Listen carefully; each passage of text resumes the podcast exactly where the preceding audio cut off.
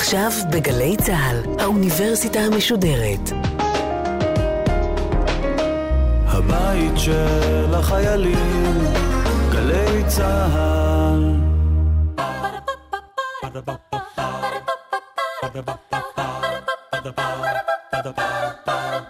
האוניברסיטה המשודרת מציגה מיטב התוכניות מן הארכיון. והפעם אנו מביאים בשידור נוסף את התוכנית המדען העירום. בן שני, בשיחה עם הפרופסור עודד אהרונסון על חקר החלל. עורכת ראשית, מאיה גאייר.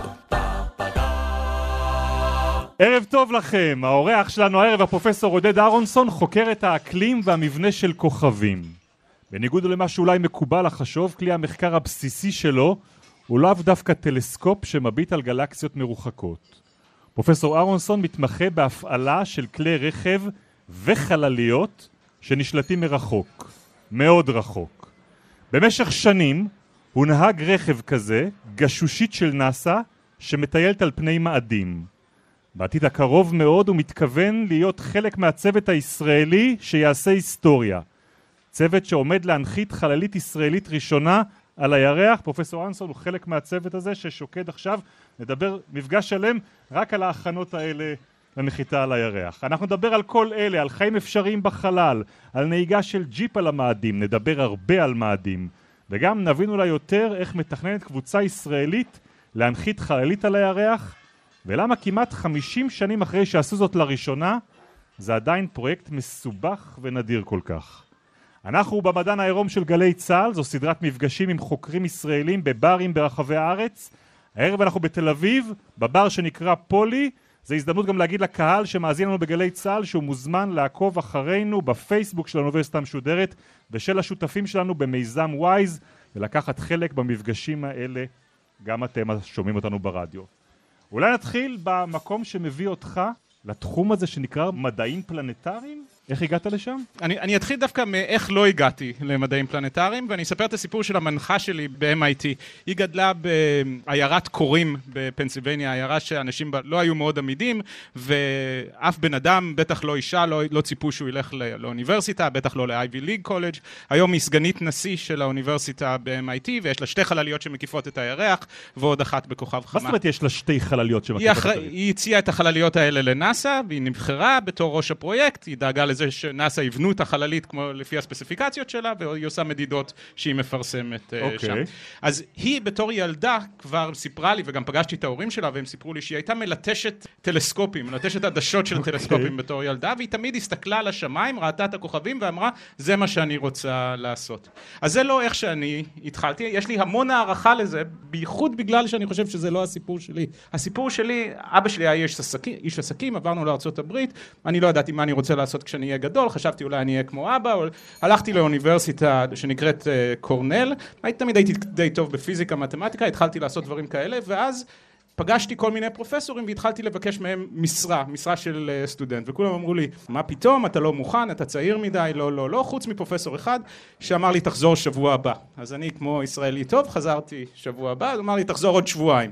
חזרתי עוד שבועיים, בסוף נמאס לו ממני, אמר לי בסדר, אה, והוא לימים נהיה האיש האחראי על הרוברים, הוא זה שהציע לנאסא את הרוברים, קוראים לו סטיב סקוויירס, הוא כוכב על בתחום שלי, ואני התחלתי בעצם את הקריירה כשהרוברים היו רק ניצוץ בעיניים שלו, אני הצטרפתי לצוות שלו, ביחד הצענו אותם, ואחרי הרבה שנים אה, גם נהגנו בהם במאדים. אז בעצם הסיפור שלי זה שפשוט היה לי role model, היה לי מודל לחיקוי מאוד מאוד טוב, אמרתי אני רוצה לעשות מה שהוא עושה. תראה, אני מסתכל על הקהל שיש לנו כאן הערב, ובאופן יחסית חריג אני רואה פה גם ילדים. בדרך כלל ילדים לא מגיעים. אני בטוח שאצל הילדים, וגם אולי אצל חלק מהקהל הבוגר יותר שנמצא כאן, זה תמיד היה חלום. להתעסק בתחום הזה.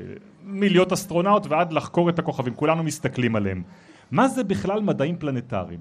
אז מדעים פלנטריים, המילה פלנטה זה כוכב לכת. בהתחלה אתה הזכרת את זה שאני חוקר כוכבים. כוכבים זה גופים שבוערים, שמבעירים בעיקר מימן. אני דווקא לא חוקר את הכוכבים עצמם, אלא את הגופים שמקיפים אותם, את השמונה או תשעה, תלוי את מי אתה שואל, כוכבי לכת שמקיפים את השמש שלנו. וגם בשנים האחרונות, אנחנו בטח עוד ניגע בזה גם, כוכבי לכת שמקיפים כוכבים אחרים, תגלית שלא ידענו מלפני אפילו עשרים שנה שהם קיימים כאלה, אז יש גם גופים שמקיפים כוכבים אחרים. בואו נעשה לרגע איזושהי מפה של המערכת שאנחנו נמצאים בה. מערכת השמש כמה כוכבים יש בה? יש במערכת השמש כוכב אחד, קוראים לו השמש, ויש בה, היום אנחנו יודעים, שמונה כוכבי לכת. פעם היו תשעה, פלוטו היה גם כוכב לכת, אבל uh, חבר שלי מקלטק הוריד אותו ברמה את פלוטו, קוראים לו מייק בראון, אתם יכולים לקנות את הספר שלו, uh, uh, שנקרא How I Killed Pluto and Why It Had It Coming, והוא בעצם גילה גופים אחרים שבגללם הורידו את פלוטו בדרגה, ומאז פלוטו לא נחשב יותר כוכב לכת. תסביר לנו, איך מורידים כוכב בדרגה? אז מה שקורה זה, את פלוטו גילו לפני הרבה שנים, והוא היה הגוף היחיד שגילו באותו מקום סביב השמש. ואז התחילו לגלות עוד ועוד גופים, שאת כולם ביחד אנחנו קוראים להם uh, חגורת הקייפר. וגילו עוד ועוד גופים שכולם היו יותר קטנים מפלוטו. אז הלוגיקה הייתה, עדיין הייתה מסודרת. זאת אומרת, עדיין ידענו שיש את הכי גדול שקוראים לו פלוטו והוא כוכב לכת, ואת כל היותר קטנים שאנחנו לא סופרים אותם. ברגע שמייק גילה גוף שהוא חשב שהוא יותר גדול מפלוטו, כבר נהייתה בעיה. איך אנחנו משמרים או את ההגדרה של הכוכב לכת ומכניסים גם את הגוף החדש שמייק גילה, או מה שבסוף הוחלט זה שאף אחד מהם הוא לא כוכב לכת וכולם נהיו מה שנקרא dwarf planets, כוכבים uh, גמדיים. קח אותנו, תפרוץ קצת את הגבולות של המערכת הזאת, קח אותנו יותר רחוק, אנחנו יושבים על איזשהו זרוע קטנה של שביל החלב, נכון, נכון של גלקסיה. נכון, כן, הגלקסיה שלנו וכל הכוכבים שקרובים אלינו, כולם נמצאים בגלקסיה ששמה שביל החלב, ויש 100 מיליארד גלקסיות אחרות. 100 uh, מיליארד גלקסיות. גלקסיות, כן, שאנחנו יודעים עליהם ביקום הנראה, ואולי יש אפילו עוד שהאור עדיין לא הספיק להגיע אלינו מהם. כמה מתוך, אתה אומר 100 מיליארד גלקסיות, כמה כוכבי לכת יש בתוכן? מה שאנחנו יודעים זה שיש כמה מאות מיליארד גלקסיות, ובכל אחת יכול להיות 100 מיליארד, 100 אה, מיליון, סליחה, אמרתי מיליארד קודם, התכוונתי להגיד מיליון, אה, כוכבי, כוכבים. לא נתפוס אותך על לא הטעות הזאת. לא נתפסו אותי על המספר, ובתוך כל הכוכבים האלה, עכשיו השאלה, מתוכם כמה יש להם כוכבי לכת, וכמובן מתוך כל אלה שיש כוכבי לכת, כמה מהם יש בהם אה, תנאים שהם מספיק טובים לחיים, ומתוך רחב? כל אלה כמה מהם יש תנאים מספיק טובים שהחיים אכן ייווצרו, וזה קרה, ומתוך כל אלה כמה מהם... רגע, אל תגידי לה קרה, בוא נגיד לה... תנאים שמאפשרים היווצרות חיים. על כמה כוכבי לכת אנחנו מדברים שיש? אז האמת שזאת שאלה אה, מורכבת. אנחנו יודעים שבערך מחצי מהכוכבים שאנחנו רואים, יכול להיות שלחצי מהם יש כוכבי לכת. רובם לא דומים לכדור הארץ, רובם מקיפים את השמש שלהם יותר מדי קרוב, ואז הם הרבה יותר מדי חמים, או יותר מדי רחוק, ואז הם הרבה יותר מדי קרים, אז רובם הם לא כמו כדור הארץ. אנחנו בתור אנשים ומדענים ואפילו פילוסופים צריכים להחליט עד כמה דומה כוכב לכת מסוים צריך להיות לכדור הארץ, על מנת מנת שנחשוב שאולי יש בו חיים. כי אנחנו מבינים שפה בכדור הארץ אנחנו מסתכלים על דוגמה אחת של חיים בכדור הארץ, אנחנו לא יודעים אם אנחנו דוגמה מייצגת, זאת אומרת אנחנו חושבים שצריך את כל הדברים שיש בכדור הארץ שיהיה חיים, אה, מים, חום, אנרגיה, אבל אנחנו לא יודעים אם זה באמת המצב. רגע, אתה פורט את זה נורא מהר, מה צריך כדי שיהיו חיים? מה שאנחנו צריכים זה מים, חום, אנרגיה, אוכל, דברים שאנחנו רגילים אליהם פה. וזה נכון אגב מה שאני אומר לגבי כל סוגי החיים אה, בכדור הארץ, כולל החיים החיים הכי בסיסיים, החיים שנוצרו בכדור הארץ הכי קדמוני. זאת אומרת, אפילו הבקטריות ומה שנקרא ארכאיות הכי קדמוניות פה בכדור הארץ, אנחנו יודעים שהם דורשים איזה שהם תנאים בסיסיים, טמפרטורות שבהם המים הם מספיק חמים בשביל להיות נוזליים, נגיד בין 0 ל-100, משהו כזה. עכשיו, אם אנחנו מתרחקים קצת מהשמש, נגיד מגיעים למסלול של מאדים, שם הטמפרטורות רוב הזמן, ברוב המקומות, הרבה יותר מדי קרות. אז המים קפואים. אם אנחנו קצת מתקרבים לשמש, רק קצת, למסלול של נוגה, עכשיו הכוכב לכת חם מדי, ושם אין סיכוי להיווצרות חיים, זאת אומרת שאנחנו חושבים שאנחנו איכשהו מצאנו, באנגלית קוראים לזה את ה-Goldilocks zone, האזור של uh, זהבה, זהבה, ש, שזה לא חם מדי וזה לא קר מדי. עכשיו השאלה כמה צר האזור הזה, זאת אומרת, האם זה שאנחנו בכדור הארץ זה איזושהי תאונה קוסמית ש...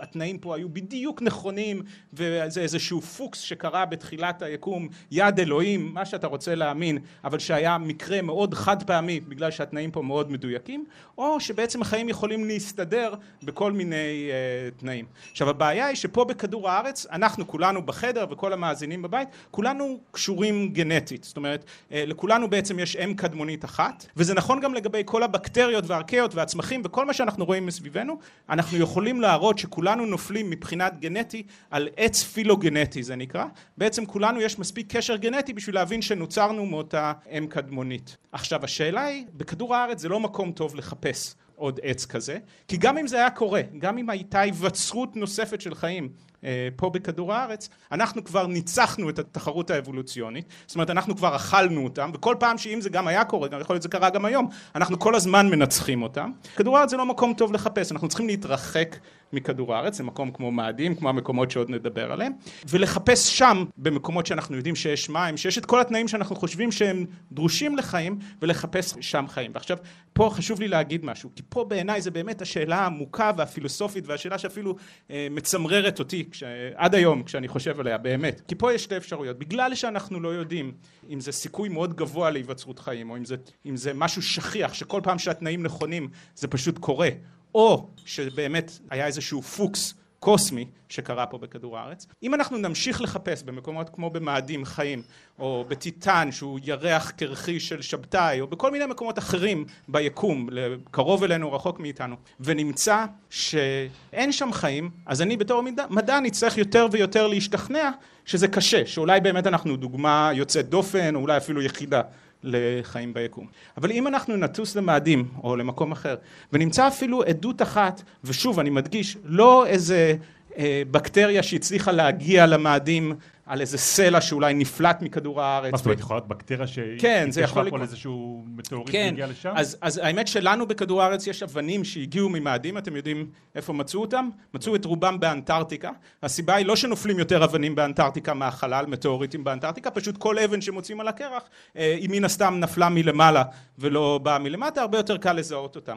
אז אה, כל שנה החברים שלי אה, בחורף שלנו, בקיץ של אנטארקטיקה, טסים לאנטארקטיקה, מסתובבים באופנועי שלג חודש באנטארקטיקה ומחפשים אבנים, מוצאים את האבנים, מחזירים אותם חזרה ליוסטון, שם המרכז של המטאוריטים, וחלק מהם, איזה אחוז קטן שלהם, כולל אבן אחת מאוד מיוחדת ב-1984 שנקראת ALH 84001, The Allen Hills Meteorite, שנמצאה בערים של אלן, מצליחים להוכיח על ידי בועות גזים קטנות שהם הגיעו ממאדים כי התכולה של הבועות גזים האלה ההרכב שלהם הוא אחד לאחד בול כמו האטמוספירה של מאדים זאת אומרת שהם נפלטו ממאדים והגיעו לכדור הארץ. עכשיו יכול להיות שזה גם קרה ההפך זה מסלול יותר קשה להגיע מכדור הארץ למאדים מאשר ממאדים לכדור הארץ אבל עדיין זה יכול לקרות. זאת אומרת שבקטריה יכלה הייתה לתפוס טרמפ או מכדור הארץ למאדים או ממאדים לכדור הארץ. עכשיו למה זה נורא חשוב? כי אם אנחנו נגיע למאדים ונמצא בקטריה שהיא בדודה שלנו, זה סבבה, זה מעניין, זה יהיה בכל העיתונים, זה פרס נובל, אבל זה לא מספק אותי. כי מה, אוקיי. כמו שאמרתי, מה שמעניין אותי זה למצוא היווצרות חיים שנייה. זאת אומרת, אני רוצה לענות על השאלה הגדולה של עד כמה זה שכיח היווצרות חיים. כי אם אני נמצא במאדים הוכחה לחיים שלא נוצרו באותה בריאה שלנו, שהם לא בני דודים שלנו, אז אני חושב שאנחנו נצטרך להסיק שהיקום שוקק חיים. תגיד לי, כשאנחנו מדברים על מספרים כאלה, על מאות מיליארדים, זה לא הדבר הכי סביר להניח? שאנחנו לא לבד פה? אה, כן, יש הרבה אנשים שמרגישים איכשהו בעצמות שלהם או בבטן שלהם שזה צריך להיות ככה בגלל שהטיעון שאתה נתת. אבל אם אנחנו נחשוב שנייה על כמה חיים אנחנו מצפים למצוא אז נכון יש את הכמה כוכבים יש אבל את זה, את זה צריך להכפיל בכמה זה קשה. עכשיו יכול להיות שזה באמת נורא נורא קשה ואם הסיכוי של זה זה אחד חלקי מספר הכוכבים אז הסיכוי הוא שנמצא אחד אוקיי? אז אני לא יכול לענות, רק בגלל שיש הרבה, זה מרגיש כאילו זה צריך לקרות עוד פעם, אבל זה לא טיעון מספיק חזק עד שלא נמצא את מה שאמרתי קודם, את הדוגמה השנייה. ממה שאתה אומר עכשיו זה כבר מסקרן, אבל יש גם כן מי שמנסה לטעון שאנחנו חייבים לדעת ולהכיר, כי אנחנו צריכים להכין לנו איזה פלן בי.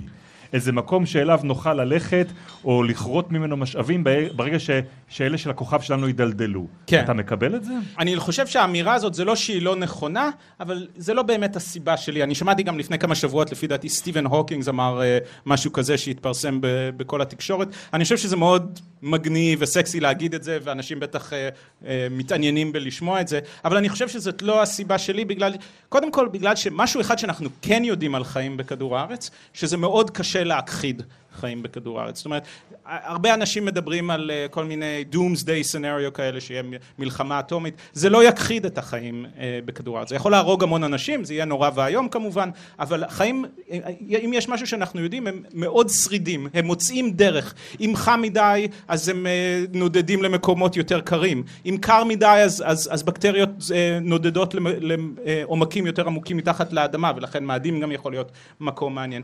לכן אני חושב שמאוד קשה ל- לעשות סטריליזציה, למחוק את כל החיים בכדור הארץ, ולכן ה doomsday scenario הזה לא באמת מדאיג אותי. כמובן אנחנו חייבים להיזהר מזה, אבל זה לא הסיבה לנדוד לפלנטות אחרות בעיניי. מה הכלי המרכזי שיש למי שעוסק במדעים פלנטריים לבוא ולחקור? זה רק טלסקופ? לא, טלסקופ זה באמת כלי אחד שפעם, אה, לפני 100-200 שנה, אנשים היו מאוד מאוד עסוקים בלבנות את ה... כל המדענים התחרו למי יש הכי גדול, אז למי שהיה את הטלסקופ הכי גדל הוא זה שניצח בתחרות, ככה למשל התגלה, גלילאו גילה את הירחים של אה, צדק והירחים של שבתאי התגלו על ידי אה, אסטרונום הויגנס שהיה לו טלסקופ יותר גדול משל גלילאו, אז פעם זאת באמת הייתה הדרך. היום יש לנו טכנולוגיות אה, מעניינות שכבר הזכרת, שמרשות לנו להגיע לשם בהרבה מקרים. קודם כל אנחנו משגרים גם את הטלסקופים שלנו לחלל, מעל האטמוספירה של כדור הארץ, ואז יש לנו ראות הרבה יותר טובה. איפה נמצא זה שהכי מרוחק היום? אה, קפלר נמצא, אני חושב, אה, הכי רחוק, אם אני לא טועה, מכדור הארץ, זה טלסקופ חלל שמסתכל על איזשהו אזור בשמיים, אני לא בטוח שהוא הכי רחוק, אבל הוא די רחוק מכדור הארץ, והוא מסתכל על איזה אזור שיש בו הרבה כוכבים, והוא מודד האם לכוכבים האלה יש אה, כוכבי לכת, אבל עבורי עוד יותר מעניין מזה, זה היכולת ממש להגיע לשם, לשלוח או אנשים או שליחים רובוטים שלנו לפלנטות אחרות ולהשתמש בהם בתור הזרוע, השלוחה שלנו בשביל לגלות פלנטות. לאיזה פלנטות כבר הגיעו? אז קשושיות בעצם של בני אדם חרשו את מערכת השמש מאזורים מאוד קרובים אה, לשמש, כוכב חמה שהוא הכי קרוב, ועד מערכת השמש החיצונית, אה, עד נפטון, חללית שחלפה ליד הכוכבי הלכת החיצוניים. אז בתוך מערכת השמש פחות או יותר ביקרנו, חלפנו לידם לפחות, זאת אומרת הצלחנו לצלם אותם מאיזשהו מרחק. עכשיו האתגר הבא באמת זה במקומות הכי מעניינים, זה להתחיל לנחות שם ולגעת ולהריח ולטעום מה יש שם, ובחלק מהמקומות גם עשינו את זה. איפה?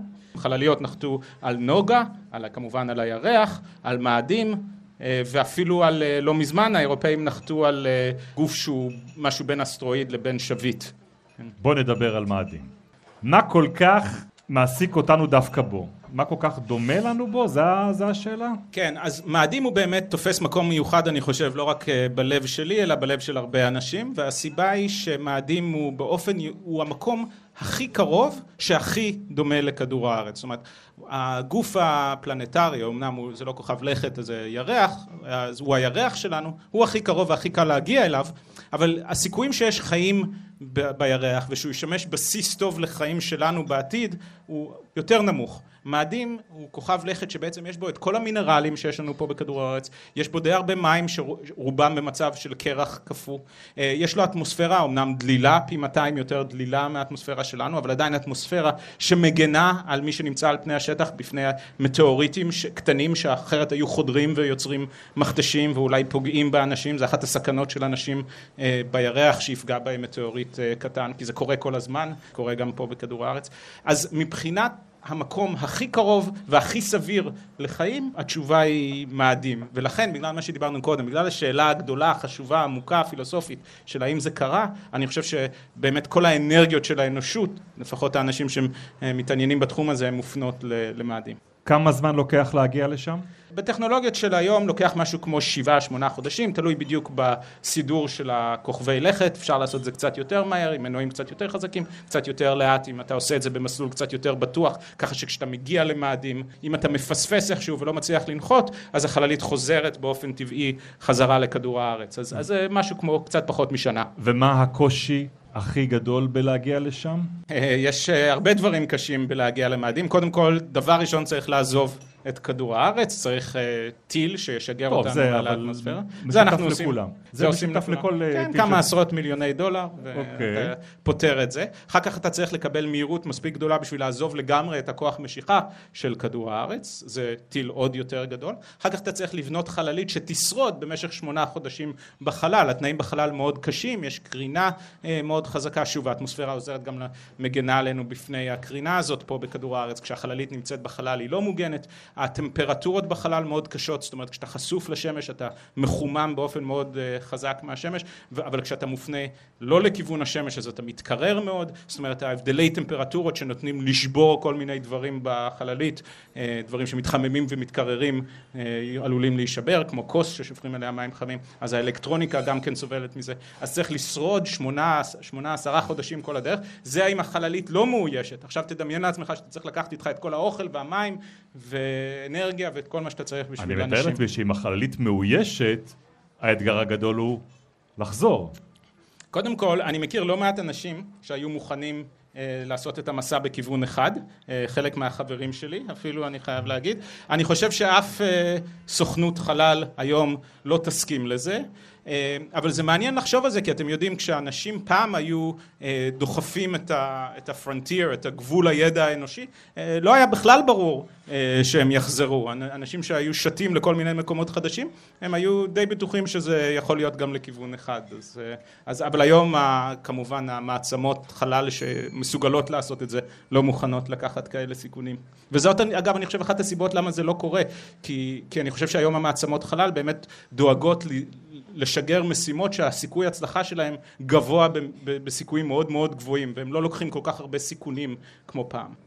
יש איזושהי תוכנית לחיילית שיכולה גם להגיע וגם לחזור משם? כן, אז יש תוכניות כאלה. מה האנרגיה שמניעה אותה? תמיד האנרגיה זה מנועים רקטיים, זאת אומרת צריך לקחת את הדלק איתך, יש גם חלומות יותר עתידיים של לייצר דלק שם, אבל זה, זה לא, לא, לא לשנה ולא לעשור הקרוב. יש גם תוכניות מגירה, אני אקרא להם של נאס"א, של לעשות את זה. נאס"א כל הזמן עורכת מחקרים שמקדמת אותם עוד צעד קטן ועוד צעד קטן לקראת זה. כרגע אין שום מערך חלליות שהתחילו לבנות אותו. אין תוכנית לנחיתה על מאדים בזמן לאילון מאסק יש תוכנית, אני מגיע okay. אוקיי. לאילון מאסק, אני חושב שזה מה שאתה רומז. אילון מאסק כמובן גיבור אה, גדול בהרבה תחומים. הוא דמות מאוד אה, אניגמטית הייתי אומר. אה, אני מאוד מקווה שהוא יצליח, אני לא יודע אם הוא יצליח. ומה התוכנית שלו? הוא גם די סודי אגב אה, לגבי התוכניות, אז אני, אני לא חושב שאני יכול... לא גילה לך. הוא לא גילה לי. אז בינתיים מה שאפשר לעשות זה לשלוח... קשושיות. קשושיות. נכון. או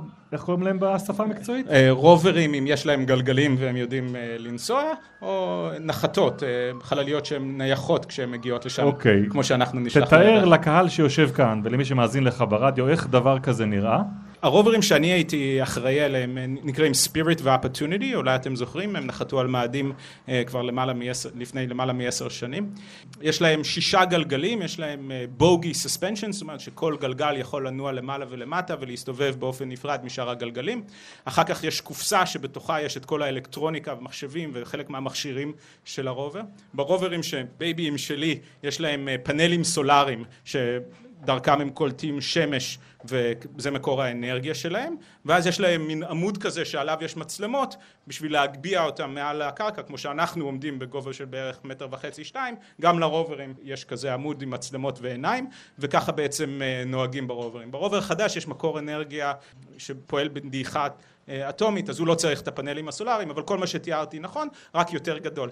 הרובר החדש Curiosity הוא נראה ממש evil הוא ממש אכזרי יש לו כזאת קרן לייזר ועין אחת שיוצאת הוא נראה ממש כמו פיראט או, או משהו uh, מפחיד. איך מגיעים להיות נהג רובר על מאדים?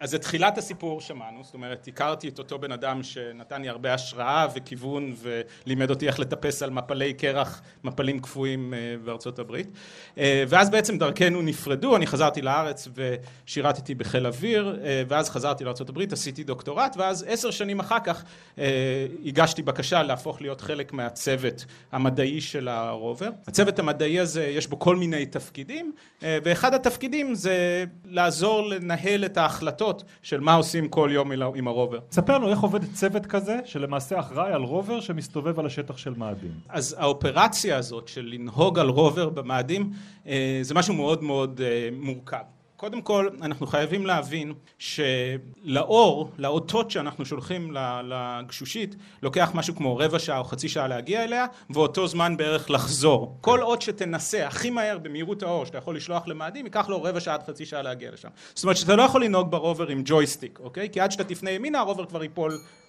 מהצוק. אז מה שכן עושים זה קמים בבוקר ובגלל שאתה רוצה לתפעל את הרובר בזמן מאדים והיום במאדים הוא קצת יותר ארוך מהיום בכדור הארץ זאת אומרת מאדים מסתובב טיפ טיפה יותר לאט ממהירות הסיבוב של כדור הארץ הוא מסתובב משהו כמו 24 וחצי שעות לא 24 שעות אז כל בוקר כשקמים בבוקר אתה בעצם רוצה לקום להיות מסונכרן עם זמן מאדים, אז כל יום אתה צריך לקום חצי שעה יותר מאוחר, ומקבלים את התמונות שהרובר צילם יום קודם, מתחילים, כל המדענים מתחילים להתווכח, מדענים עם אגו גדול ודעות חזקות, מתחילים להתווכח מה צריך לעשות, מה הדבר הבא ש, שצריך למדוד במאדים בשביל למצוא את העצם של הדינוזאור, זאת תמיד הייתה הבדיחה שלנו, כי כמו שדיברנו, אנחנו רוצים... זה ה-Holy Grail, כן. זה ה-Holy Grail, בדיוק. אז אם אנחנו היינו מוצאים את השלד, מאובן, של הדינ... כן. את המאובן של הדינוזאור, גם אם היינו מוצאים את אותו מאובן, וכמו שאמרתי, זה היה front page of the New York Times, זה לא מספיק טוב, כי מאובן, רוב הזמן אין בו חומר ביולוגי. מאובן זה מין אה, הדפס או טמפלייט של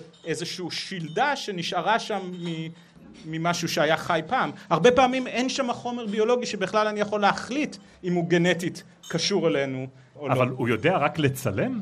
על הרובר יש מכשירים אחרים, אבל הוא לא יודע לעשות גנטיקה, זה כבר צריך מעבדה מאוד... מה הוא כן יודע לעשות? הוא יודע לצלם, למדוד את ההרכב הכימי, למדוד את ההרכב המינרולוגי על ידי ספקטרומטרים שונים, יש לו מברשת קטנה שיודעת להבריש את החול או אפילו לקדוח קצת בתוך הסלע, יש לו אה, מיקרוסקופ כמו לגיאולוג שהוא יכול לקחת את המיקרוסקופ ולהניח על הסלע ואת כל מערך המכשירים האלה אנחנו צריכים כל יום ביום של מאדים כולנו ביחד, איזה אז כמה עשרות מדענים מכל העולם, להחליט מה עושים איתם. נוסעים 100 מטר אה, קדימה, פונים ימינה, מוציאים את המצלמה, מצלמים. צריך לדאוג שלרובר יש מספיק זמן ואנרגיה וזיכרון על מנת לבצע את כל הדברים האלה. אז אנחנו עושים את התוכנית הזאת, מתכנתים אותה בשפה די אנושית, ואחר כך במשך כל היום, וזה היה חלק מהתפקיד שלי, מתרגמים את התוכנית הזאת לשפת רובר. כל פעם שפת מחשב יותר בסיסית, ככה שאפשר למדוד אם יש לו מספיק אנרגיה, שפה יותר בסיסית שאפשר למדוד אם יש לו מספיק אה, אה, זיכרון וכן הלאה.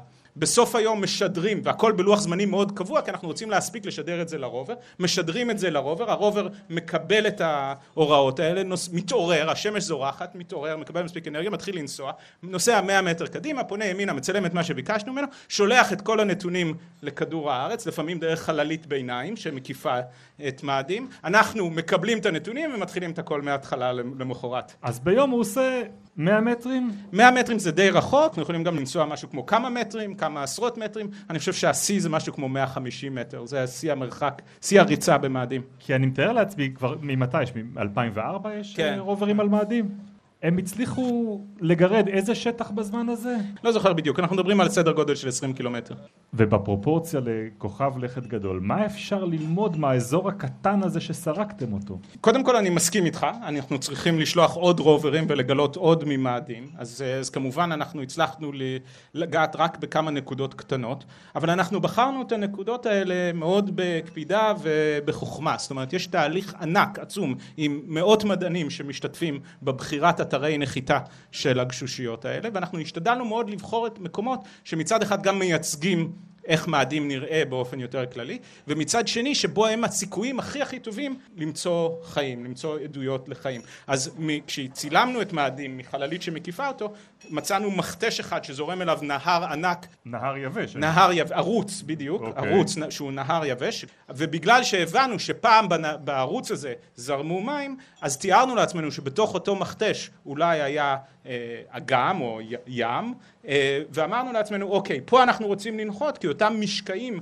מאותו ים שאולי פעם נוצר שם, בטח אנחנו נצליח לגרד אותם איכשהו עם הרובר ולחפש שם חיים. בדיעבד אגב לא מצאנו את אותו אה, אגם ענק, מצאנו עדויות אחרות למים, אבל לא מצאנו אגם ענק באותו מכתש. איך מתחלק צוות? איזה סוגי אנשים עובדים בתוכו? בצוות של נאס"א כמעט תמיד יש צוות הנדסי וצוות מדעי, אוקיי? אני הייתי, כמו שתיארתי, בצוות המדעי אה, של הרוברים וגם של חלליות אחרות. ומה, הנדסי תפקידו לתרגם את מה שאתה רוצה ללמוד לפקודות הצוות לרובוט? ההנדסי יש לו כמה תפקידים, קודם כל התפקיד הכי חשוב שלו זה לבנות את החללית הזאת שלנו, אה, ואחר כך לתפעל אותה אה, במאדים. מה הגילוי הכי משמעותי שהרוברים האלה מצאו על מאדים? אני חושב שהגילוי הכי משמעותי שהרוברים האלה, וזה גילוי האמת שגם קשור בהמשך של הסיפור שקשור לרובר Curiosity, שהמשיכה את, בעצם את אותו חיפוש אחרי מים ועדויות למים ועדויות אה, לתנאים שמתאימים לחיים במאדים, זה שמתחת לפני השטח של מאדים, פני השטח קשה למצוא מים זורמים,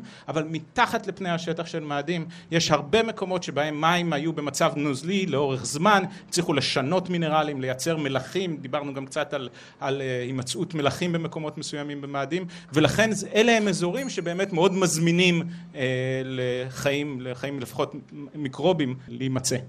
פרופסור עודד אהרונסון, אל תלך לשום מקום. אנחנו נפרדים עכשיו מהמאזינים שלנו בגלי צה"ל, הם ישובו לשמוע אותך בחלק השני של התוכנית הזאת. שישודר בשבוע הבא. אבל עד אז, נגיד להם וגם לקהל כאן בבר בתל אביב, לילה טוב ולהתראות במפגש הבא.